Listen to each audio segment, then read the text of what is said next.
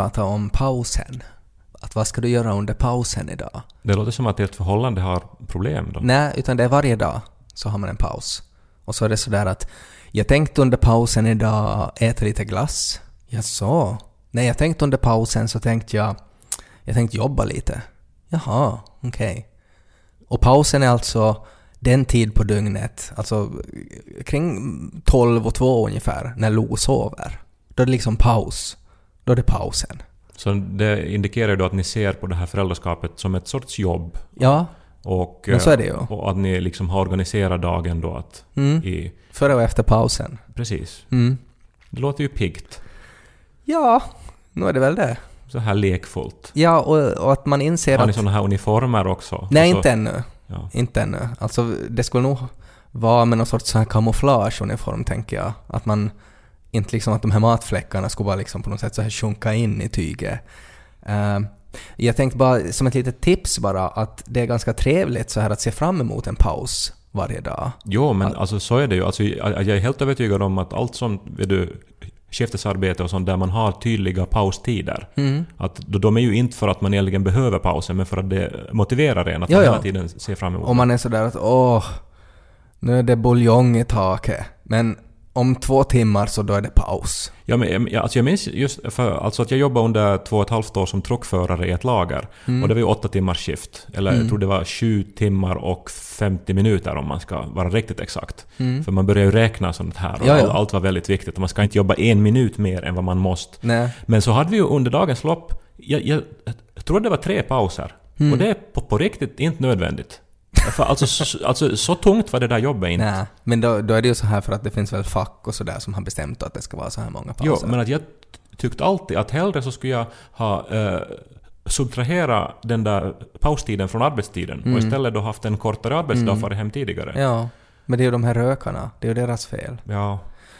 Men eh, det är ju ungefär som att köra truck på ett lager. Att ha hand om en nästan tvååring. Bara att, att, att då när du håller på liksom då och flyttar de här lådorna med, med leverkorv så skulle det vara någon som, som kör en större truck än din uh, och, och som, som har inte tränats och kör helt åt reven och, och börjar liksom flytta ner det som du just har liksom satt upp och sätter fel och, och sen så kör trucken omkull och så börjar han gråta och, och sådär. Ja, jag I skulle just, princip liksom hindra dig från att göra ditt jobb. ja, eller alltså som orsakar arbete. Alltså, alltså arbete handlar ju ofta om att uppnå någon sorts status quo. Mm. Jag tänker på mitt jobb i det här lagret nu då, så handlar det ju egentligen bara om att liksom lagret skulle hela tiden hållas lagom fullt. Och att Mm. allt, allt, allt annat skulle liksom...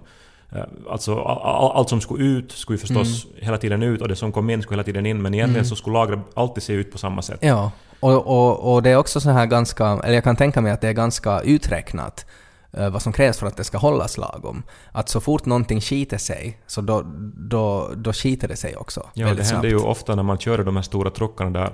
Alltså jag välte ju så många såna här dyra lastpallar med sån här extra mör skinka. Mm. Vet du, kostar 30 000 en sån här lastpall och jag bara välte Mm. den och det låg Mm. skinka överallt. Och så kan de sälja det lite dyrare och så kan det heta vältskinka. Bögvält skinka. det är så här extra. Den här skinkan är garanterat vält av en homosexuell arbetare. I enlighet med tidens liberala melodi. Men det där är ju så här när man tänker på vin, vinsorter och sådär. Vi var ju på den här eh, otroliga lyxiga förlagsmiddagen eh, för en tid sedan. Sju rätter räknar Sju jag. rätter, otroligt, otroligt gott. Eh, och, det, och det var sån här mat som man inte... Alltså det, ma, de kom ju in med mat och så såg det ju ut som att kocken hade haft en tomat upp i luften och släppt ner den på tallriken. Och exakt så såg de ut. Och så frågade man att vad är det här? Och så sa kocken "Eh, det är morot. och, och, det var, och så, så var det liksom 20 gånger så var det så. Att jaha, hur har ni tillrätt den här kycklingen då? "Eh, Det är rostbröd. Att det såg ut som någonting annat, men det var inte det. Ja, det är ju historier om precis varje liten Ja, och där var ju det här vinet då, var ju att det var något så här otroligt ekologiskt vin som var liksom då frampressat av en enda kvinna eh, mellan sex och sju på kvällen på ett litet berg då någonstans i Italien. Och det är ju inte alls så långt att det skulle kunna vara liksom då en, en vinsort som också skulle vara då bögvält för extra kryddighet. Ja, men alltså det är ju faktiskt spännande, alltså hur, alltså också som någonting så enkelt som en tomat, när det fick liksom en släkthistoria och Mm. en geografisk position, så nog blev Ja. det ju lite mer exklusivt och Det nu är smakar det ju bättre. Helt nog. annan sak.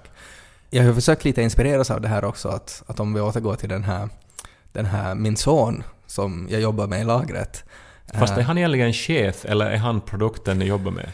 Svårt att säga alltså. jag- Alltså i er lek är det Ja. liksom att nå ska jag få och byta blöja på chefen då? Eller? Nej, jag tror att det är ganska så här flexibelt, att han är ganska så där hands-on. Uh, att jag tror han är väl mer som den här undercover boss, vet du det här TV-programmet Ja. där chefen har klätt ut sig med så här fåniga frisyrer och så visar det sig att, att han där som jobbar i kassan är egentligen chefen. Jag tror att det är väl mera det som Lo sysslar med. Mitt i allt under leken så kan det visa sig att man har gjort otroligt fel och så får man sparken från blöjbytet. Um, men jag har lite blivit inspirerad av just det här att man eh, uh, skulle, skulle ha en sån här, utreda en släkthistoria om den här tomaten när man ska liksom servera det. För att vi var ju med om det här och det var ju mycket, mycket godare. Ehm, men det funkar inte på Lo. Nej. För att därför tänker jag ju då att om man har att okej, nu ska du då äta ris med stroganoff, en sån här otroligt god burkmat, en sån här genomskinlig burk som du har ätit tidigare och tyckt om. Uh, och så hittar man på då att det här är liksom plockat då i Vietnam, det här riset, av en, en krokig kvinna med ett hjärta av guld. Uh, och sådär. Och så tittar han på en och så säger han NEJ! Och så slänger han tallriken upp i luften. Så det funkar inte alls. Det skulle också vara intressant när vi var på den här fina restaurangen under den här middagen, att då när kyparen då höll på att berätta det här uh, och sa då att ja, det här är då bögvält av uh, Mark Levengood på 80-talet, uh, eh, så skulle man bara säga nej. Inte. För jag har insett det, för att det är det som Lo säger just nu. Och, och man blir ganska ställd. När, när man sådär, du tycker ju om vindruvor. Nej. Igår åt du en hel burk. Inte. Ja, de väntar ju sig inte där på restaurangen då, efter den här historien, så, så väntar de ju sig inte att folk ska vara som "Usch!" och som skjuta undan. Ja, och slänga bort maten. Om det här har liksom hållit på i en vecka och knådats det här Ja. köttet, då tänker jag inte äta det. nej. Kex ska jag ha. Då är de nog glada att de får vara på paus,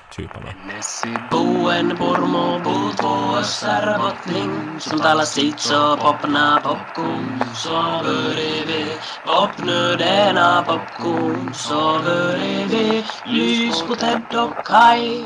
Jag tyckte det var jättespännande. Vi pratade ju då när vi åt de här sju rätterna om andra spännande matupplevelser. Eh, Jag är ju ganska traditionell, alltså jag går jättegärna på restaurang men det är nog ofta vanliga matrestauranger. Att det var en vid bordet som berättade om en sån här restaurang i Stockholm som då är alltså jätteexklusiv och det, det är svårt att få bord och, och det är säkert ganska dyrt kan man tänka också. Men att där, en av förrätterna då eh, alltså var, var en sorts rök som man skulle andas. Jag tycker det är Så jätteroligt. att kyparen kommer in med, med en låda då som är stängd Mm. och har då säkert en historia om den här röken och sen öppnar han den framför näsan på en och så Så- ska man andas in det här. Och, alltså jag tycker ju det är spännande. Jo, jag också.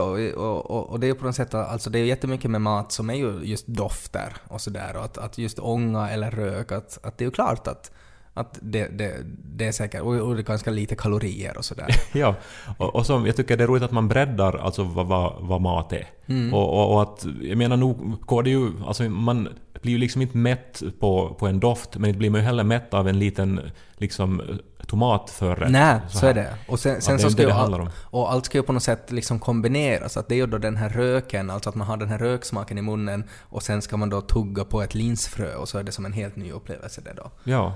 Jag bara liksom såg för mig då att jag skulle, eller alltså jag tänkte om man skulle göra en sketch av det hela så skulle det ju vara då en restaurang där eh, en av förrätterna är en örfil. så, så att kyparen kommer in och förklarar då att, att med kocken typ Ja. då att, att han, han säger att igår så örfilade jag Jörn Donner med den här handen. Ja. Och jag har en liten ring på som kommer att säkert kännas och det blir så ett litet märke av och jag har smort in min hand i en veckas tid med en sån här speciell olivolja. Jag gör ingenting annat med den här handen än slår. från Lombardiet och att nu vill jag du sluta dina ögon. och så får man en örfil och sen tar man en klunk vin. Och så kommer kocken in och blåser rök på en från en cigarett. Men det skulle säkert, alltså, alltså man skulle kunna säkert få det där att, att, att Helt gå hem. säkert, helt säkert. Och, och säkert, jag menar, säkert smakar vin annorlunda om man har ont i kinden av en örfil när man dricker det.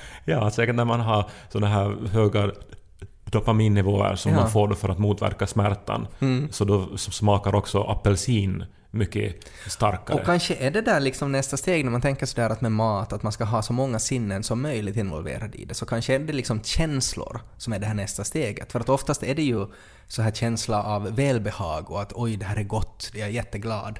Men vad man skulle kunna få liksom mat på något sätt som också skulle väcka empati, till exempel att de kommer in, att, att, att vad om, om kyparen istället skulle ge en örfil åt, åt diskaren framför en. Och, och så slår han, står han där liksom och slår honom och örfilar honom tills han säger att nu är jag mätt. sluta nu, snälla, sluta nu. Och sen fortsätter han ännu och man säger sluta, vad håller du på med, vad håller du på med? Och sen är han så ja, det här var förrätten. Ja, Empati. bon appetit. Ja, men jag gillar det här alltså att man faktiskt tar in alla Ja. sinnen. Men då, då, för alltså, nu har vi då liksom smak och lukt och känsel och, och så ska det förstås se aptitligt ut. Mm. Ja. Men, men vi borde ännu få in hörseln på något sätt, att det ska låta eh, Just det. på något vis Det finns ju redan, tycker jag, alltså så här vissa maträtter som har en sån här liksom en, en så här crunch i sig. Som, eh, jag menar det är ju den här speciella glassen med det här chokladhöljet, så det ska ju vara en sån här dov, sån här Ja, fast jag har aldrig biter. förstått att alltså, men det- man ska inte bita i glass. Nej, jag tycker men det är vulgärt. Man ska sutta på den, slicka, slicka på den. Ja. Tills Ja, men- den går i, tills den smälter. Och, och jag tycker med chips också så är ju en sån här auditiv respons, att det eh, liksom krasar och knastrar. Så jag tycker att, att det finns nog ännu lite, men jag håller med om att man kan säkert utveckla det. Men det skulle ju vara med någon sorts instrument det då. Alltså att kanske då istället för bögvält skinka så har man salami som man bara lyssnar på, på trumpet i lagret. Ja, eller, eller liksom, alltså de kommer in då med en sån här tomat. Mm. Och så medan man, äter den så är det liksom någon som slår en i facet. Ja. Och så är det någon som står med en elgitarr och spelar riktigt brutal liksom hårdrock. Mm. Och, och, så, och så liksom sprutar de rök på en. Och sen är det som att ja, 370 euro. Plus dricks. Jag läste en intressant diskussion om hårddiskar, eh, där eh, frågan var Finns det någon skillnad i vikt på en full hårddisk och en tom hårddisk? Ja. Nå, Vad skulle du säga spontant? Alltså du har en 250 gigas hårddisk och den är antingen tom eller så är den full med, vad ska vi säga, eh, porr. ja, men det är ju klart att, att den väger samma sak. Ja. Självklart. ja, men så är det inte, utan att den väger faktiskt lite mer om den är full. Men det är ju omöjligt alltså, för det Nej. betyder ju att det skulle komma mat- materia till av all Ja, porr. men det är någonting som väger. Och så nu är det ju då på så här nanogramnivå. Men att det finns en skillnad. Det väger lite mera när den är full med Men det här måste ju ha att göra med typ temperatur eller någonting. För att jag tänker, det finns ju den här gamla skrönan om att eh, när man dör så... Alltså när en kropp dör, när vi dör, så Mm. då förlorar vi 21 gram i vikt. Och det Ja. gjordes ju en film kring det här också. Just om att det är själen som väger så Ja. mycket. Och att det här då påstås då ha bevisats. Men att eh, som, om man nu börjar läsa lite till så, så finns det väldigt motstridiga uppgifter. Mm. Och sen kan man ju anta också att det har att göra med liksom, muskler som slappnar av, vätskor, u- utandning, Mm. svettning och så vidare. Men eh, Jag vet inte vad det är som väger, men att det, är någon, det, det, liksom, det finns en skillnad mellan en tom hårddisk och en full hårddisk. men, men ingen sån här speciell vikt per Nej, gigabyte Alltså då. det är en så här otroligt, otroligt, otroligt liten vikt. Alltså du skulle nog inte se den här skillnaden på en matvåg. Utan du skulle nog måste ha en CERN-våg för att se någon skillnad. Men det ändå är en skillnad. Och det tycker jag var intressant. Eh, och det här, det var ju intressant att du tog upp det här med vad kroppen väger. För att man skulle kunna anta då att det också skulle finnas en skillnad i hjärnor. Alltså med, beroende på hur mycket du kan och hur mycket du vet. Ja men Äh. alltså är det inte att kunskap är på något vis nya eh, alltså nervförbindelser Mm. som, som skapas? Och då måste ju väga någonting. Eh, Alltså jag vet inte om cellerna liksom delar sig och blir fler eller om de på något vis skapar nya bara Mm. pinningar. Nej. Och väger dem då lite mer eller Men om det är så då att, att, liksom att, att, att fakta och kunskap och info väger lite, så det betyder ju också att det, är liksom, att det finns eh, utrymme som kan bli full. Alltså det kan hända då i något skede att nu ryms det inte mer i din hjärna utan att liksom att annat börjar förstöras eller far bort. Um, och det tycker jag är intressant och det funderade jag väldigt mycket på när jag var, uh, jag var gästpoddare, eh, otrogen alltså, i eh, 85 95 podden som handlar om filmer mellan 85 och 95 med Tage och Jocke. Och där så, så kom vi in på det här ämnet He-Man and the Masters of the Universe som ju var en, eh, en tecknad serie och serietidningar och filmer och eh, också actionfigurer från 80-talet. Och då började vi prata om det där och så insåg jag att jag vet allt om He-Man. Att det finns ingenting om He-Man som jag inte vet. Uh, och alla karaktärer i det här Eternia, som den här universumet heter, eller planeten heter, där de finns. Och så bara började jag tänka att, att det här betyder ju att, att alltså min He-Man-kunskap i hjärnan, så är ju, att den finns ju kvar där i hjärnan. Och, och tar ju utrymme. Och väger. Istället då för till exempel finska språket eller någonting annat som skulle kunna vara viktigare att ha. Ja, nu vet jag inte om det finns risker här, eller är det mera att du på ett Nej, det ex känns- existentiellt plan nu Det känns som att tänker det, att vad, vad, vad, har du liksom ägnat ditt liv åt? Nej men att, att jag inte vet riktigt varför jag har, varför den här informationen om He-Man har bibehållits. För att He-Man har ändå inte liksom varit aktuell sen jag var kanske tio. ja, men det Och det, ju, och det är ju väldigt mycket som man har lärt sig i skolan och sådär som, som inte finns kvar idag. Men He-Man-figurerna, jepp, där finns allting kvar. ja, all ja, men det är ju så med jättemånga saker från barndomen. Ja. Och det, här Men man skulle inte måste alls få- överraskande. Man skulle måste få välja själv vad man vill liksom spara. Ja, men det börjar man ju välja sen. Alltså det är ju det som är det här när man alltså måste bli självständig och ta egna val och bestämma över sitt eget liv, som man ju börjar göra någon gång i tonåren. Det är ju Aj. sen man gör de här valen, att ska jag lära mig finska eller ska jag inte lära mig finska? Det är liksom där man ska bli intresserad. Ja, eller börja som, som se att vad har jag fördelar av? Ja. Vad, vad är det jag vill uppnå eh, på ett längre perspektiv? Mm.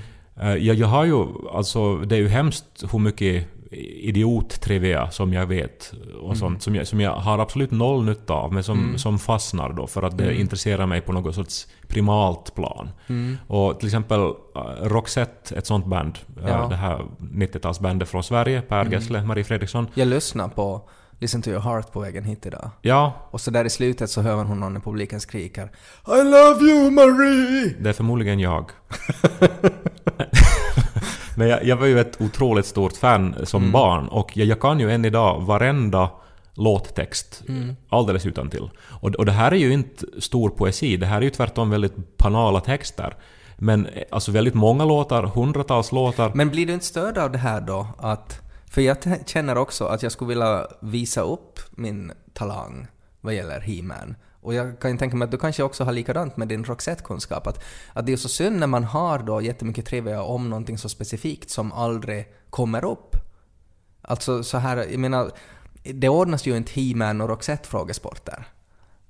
Det, Ja, det fanns ju nej. förr i Sverige så fanns ju det här, vad hette det här, det fanns ett TV-program där man fick säga liksom vad man var bra på. Och så kom det bara frågor om det ämnet och så kunde man bli stormästare. Var det inte kvitt eller dubbelt? Kvitt eller dubbelt ja. Och då var det ju bara, det var ju så här riktigt, liksom den här tyngsta nivån. Jag minns när temat var Roxette i Kvitt eller dubbelt en gång. Ja. Och så den här som tävlade då, eh, så hade de ju först en sån här introduktionsfilm om Mm. hur, hur mycket han gillar Roxette.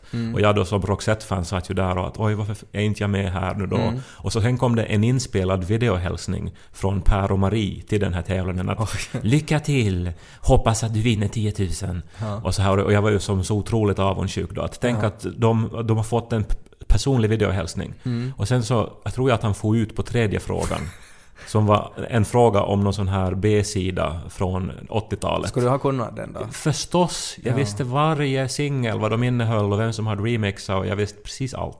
Det är ju ett ganska konstigt alltså TV-koncept egentligen. Att vi gör en frågesport, men det ska inte vara allmänna frågor, utan det ska vara något så här riktigt, riktigt insnöat ämne som max två personer vet något om och en av dem ska vi ha med i TV. Vi skulle ju borde göra det här. Jag skulle ju borde liksom ha kvitt eller dubbelt på He-Man för dig.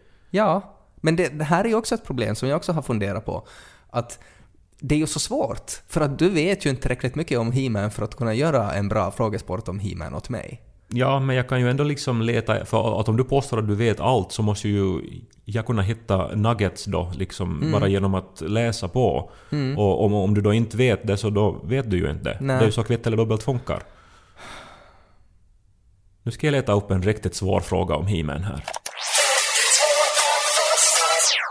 Egentligen borde vi ha den här kännspaka kvitt eller dubbelt musiken också. Men jag minns inte hur den lät. Något sånt här. Okej. Ungefär som det här då.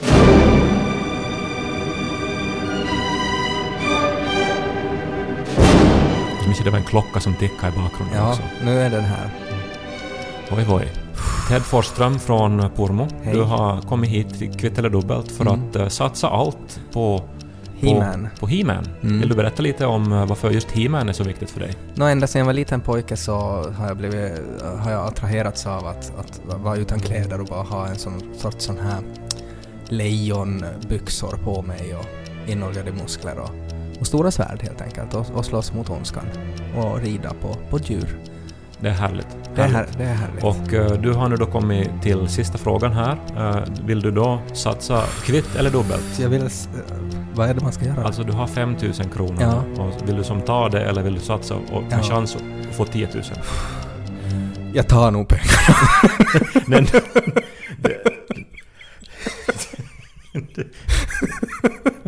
Jag blev så nervös. Tänk om jag inte kan det. Jag tror jag stannar här. Jag tar... Nej, okej. Jag tar dubbelt. Ja, det var modigt Mm. och, och rätt val. Mm. Eh, det här... eh, frågan lyder. Från vilken planet kommer He-Mans mamma, Queen Marlena?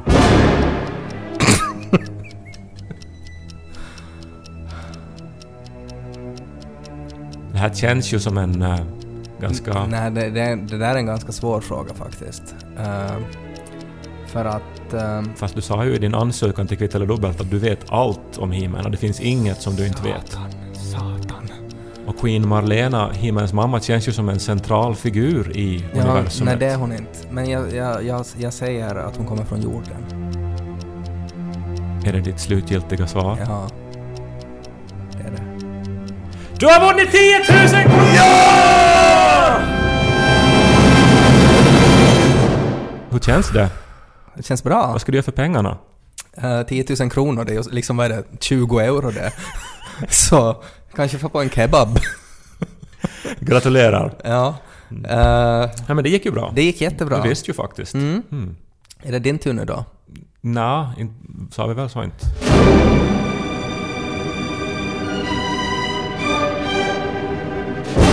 Välkomna till Kvitt eller dubbelt. Vi har med oss Kai Korka här från SE eh, som är nu på sista frågan i ämnet Roxette.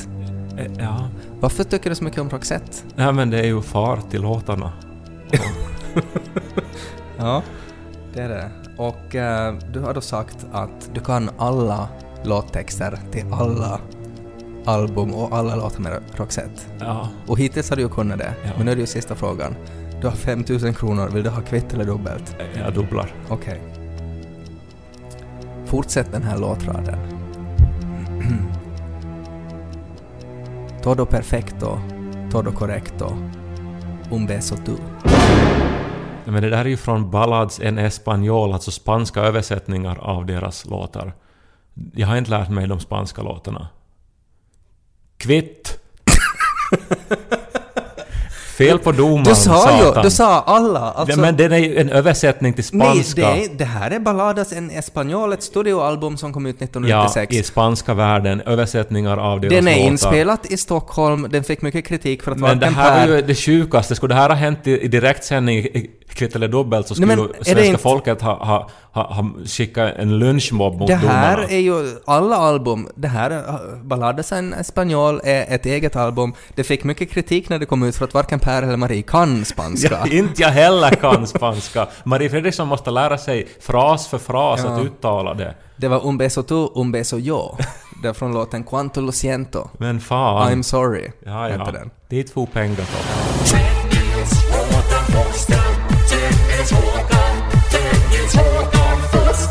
För mig var ju He-Man eh, alltså en av mina tidiga såna här sexuella fantasier. Mm. De var ju alla, eh, män som kvinnor, otroligt muskulösa. Men det var ju för att de hade ju, alltså de flesta karaktärerna så hade ju bara en kropp. Alltså de böt ju bort huvudet bara. Var det som en eh, kostnadsfråga när de skulle göra de här actionfigurerna? Säkert var det ju det. Så de, de var ju otroligt muskliga allihopa. Till och med Skeletor, alltså som, som då är uttryckligen ett skelett, så han har exakt likadana muskler som He-Man. Ja, Vilket men- känns skojigt. Och det var ju otroligt sexigt. Och Skeletor var ju så här blå också. Mm. Och, och, väldigt maskulint blå. var Skeletor liksom din, ditt sexuella Nej uppvaknande? men jag hade Skeletor eh, som, som var liksom... Hade du faktiskt Skeletor? Ja, jag hade Skeletor. Ja. Och, och han hade en sån här midja så att man kunde också som snurra på honom och så snurrade han snabbt tillbaks. Ja, och det han hade- kunde vända sig om. Ja, det hade alla, alla midjor. Så det handlar egentligen om att de hade en sorts figur och så bytte de huvud och målade blå. Så är det, de bytte också fötterna ibland på vissa. Det fanns liksom onda fötter och så fanns det goda fötter. Ehm, det som är roligt uh, också, och det här är helt ett sammanträffande, alltså uh, Ballados en Español, för att kommer du ihåg att vi fick ju alltså till vår Plepotoy-sida på Facebook så fick vi ett meddelande på spanska för en tid sedan. Där det var en, en person som på spanska frågade att, att är det vi som har gjort de här filmerna om Skeletor and Gang. Ja, det, det var väl, har, du- har du svarat på det där meddelandet? Nej, jag har inte gjort det. Det var ju på spanska. Ja, Du är ju bra på spanska jag, tydligen. jag kan pasta in Roxette. Men det där är ju jätteroligt. Alltså Skeletor and Gang eh, var ju... Det var ju du som gjorde det, jag hade Ja. ingenting med det att göra. Nej. Du alltså hade ju en webcam och så gjorde du stop motion filmer med dina He-Man-figurer. Ja, när jag var ung. Och, eh, Hemma på ditt skrivbord med din skrivbordslampa som enda belysning. mm, och så satt jag, speedade jag upp lite musik till det. Och, och så dansade de och sådär. Och det här blir ju jättepopulärt. Alltså jag har ju hört senare att, eh, att de här videorna alltså har spelats upp i, i Sacramento på någon sån här filmfestival. Jag minns också att du påstod när det kom en eh, sån här amerikansk komediserie på Funny or Die eh, som hette det här eh, Robot Chicken. Mm. Att eh, de hade blivit inspirerade av Skeletor and Gang. Ja, det var, det var ju... Så jag fick höra om den här Robot Chicken då när det startade, var ju att folk hörde av sig åt mig och undrade att om, har jag haft något med att göra allt? Har jag liksom skrivit manus eller gjort det? Så det var lite kul, att om jag kunde inspirera det. Det är ju lite... ö, Säger ju en del om den här 15-åriga pojken i sitt vindsrum i Purmo också. Vad säger det? Att han tänker att, att förmodligen har de här... eh, vad han nu hette, den här... Det var ju en sån här Seth känd... Green. Seth Green har förmodligen inspirerats av mig när han Mm, gjorde den här ja. serien. Ja, åtminstone var jag inte kåt på Skeletor. Men sjukast. det, jag tycker att det, det är jätteroligt och, och det är också kul för att jag, jag googlar då på de här Skeletor en gång. Alltså de här gjorde jag då när jag var kanske 16-17 eller någonting. Och jag har ju inte tänkt på de här på jätte, jättelänge. Men att det var ju liksom en, en del av mitt liv då att jag, jag gjorde de här videorna och så satte jag dem på ett forum, på Something Awful-forumet, eh, som var liksom det här stället där humor fanns då för länge sedan. Och det var ju jättepopulärt, alltså folk tyckte jättemycket om dem. Och de är så otroligt skit alltså. Riktigt, riktigt dåliga. Det här är en sån här historia som man borde berätta vet du, när man tar emot sin Oscar sen 20 år senare för bästa animerade film. Mm. Så inleder med att jag har en vän som, nå, han är kåt på Skeletor. men, eh, ja men det är ju så. Men jag tror inte att jag kommer att vinna någon Oscar för animerad film. Men jag har alltid tyckt om stop motion. Det, det är liksom, för det är ju jättebra när man inte kan rita. Men det var... eh, ja, för ett, ett tag sedan så googlade jag på det här med furries, som ju är en, eh, alltså en väldigt speciell eh, subkultur. Mm. Och jag, jag, jag är inte ännu 100% säker på att är det någonting sexuellt för alla som sysslar med det, eller är det bara en, en rolig lek? För majoriteten skulle jag nog säga att det är. Ja, men det går ju då alltså ut på att man klär ut sig till, till mjukisdjur, precis, eller inte mjukisdjur, men såna här karaktärer från, från ja, alltså nallar och eh, glada eh, råttor, typ. Mm. Jag, jag är väldigt dålig på att beskriva det Nej, här. det var en jättebra beskrivning. Men jag, jag tycker inte att det alls är så konstigt. Jag menar, vi är ju uppväxta Mm. med såna här otroligt sexualiserade råttor som kör motorcyklar till exempel. Ja, så är det. Och, och när man tänker också på Skeletor och alla andra de här He-Man-figurerna, att det var ju liksom BDSM-dräkter de hade. Allihopa. Och, och alla hade så här konstiga liksom Tom of Finland-ordvitsar i sitt namn. Eh, och jag menar, det där är ju en man som heter Fisto. Som har en... är det en He-Man-figur? En He-Man-figur, han heter Fisto. Och hans grej är att han har en otroligt stor näve. Som man kan liksom dra bakåt och så är han så här fisto punch och så slår han sådär. Och, och jag menar, det är ju inte, det är ju inte ens liksom... Från vilken planet kommer Fistos pappa då? Fistos pappa vill inte ha någonting att göra med honom. Uh, nej men det är ju, så, så där är det ju. Uh, men var och en med sätt. Var och en med sätt. Och poitsi Päärulandi. Kairi, Kairi korkea,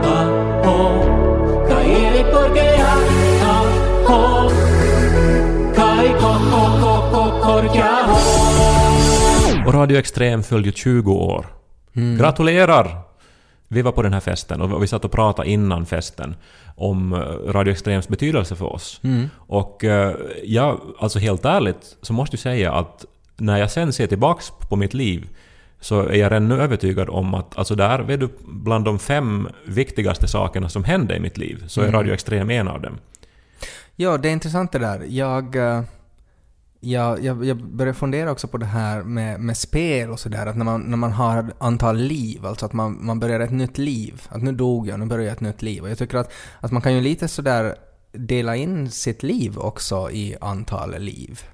På ett sätt. Alltså att, att man är nu kanske på sitt tredje eller fjärde liv egentligen. Att jag hade ett liv när jag var barn och sen hade jag ett, ett, ett liv när jag blev tillsammans med min första flickvän och sen tog det slut och sen hade man ett annat liv och nu har jag ett liv med barn och sådär. Och med Radio Extrem så fanns det ju helt tydligt ett liv före och efter Radio Extrem. Men alltså det är ju nog, åtminstone för mig, så är det mycket tydligare än, än, än just att man bor i en viss stad, att man har en viss lägenhet. Allt det här är ju olika liv. Livet jag hade i Berghäll, livet jag hade med min expojkvän.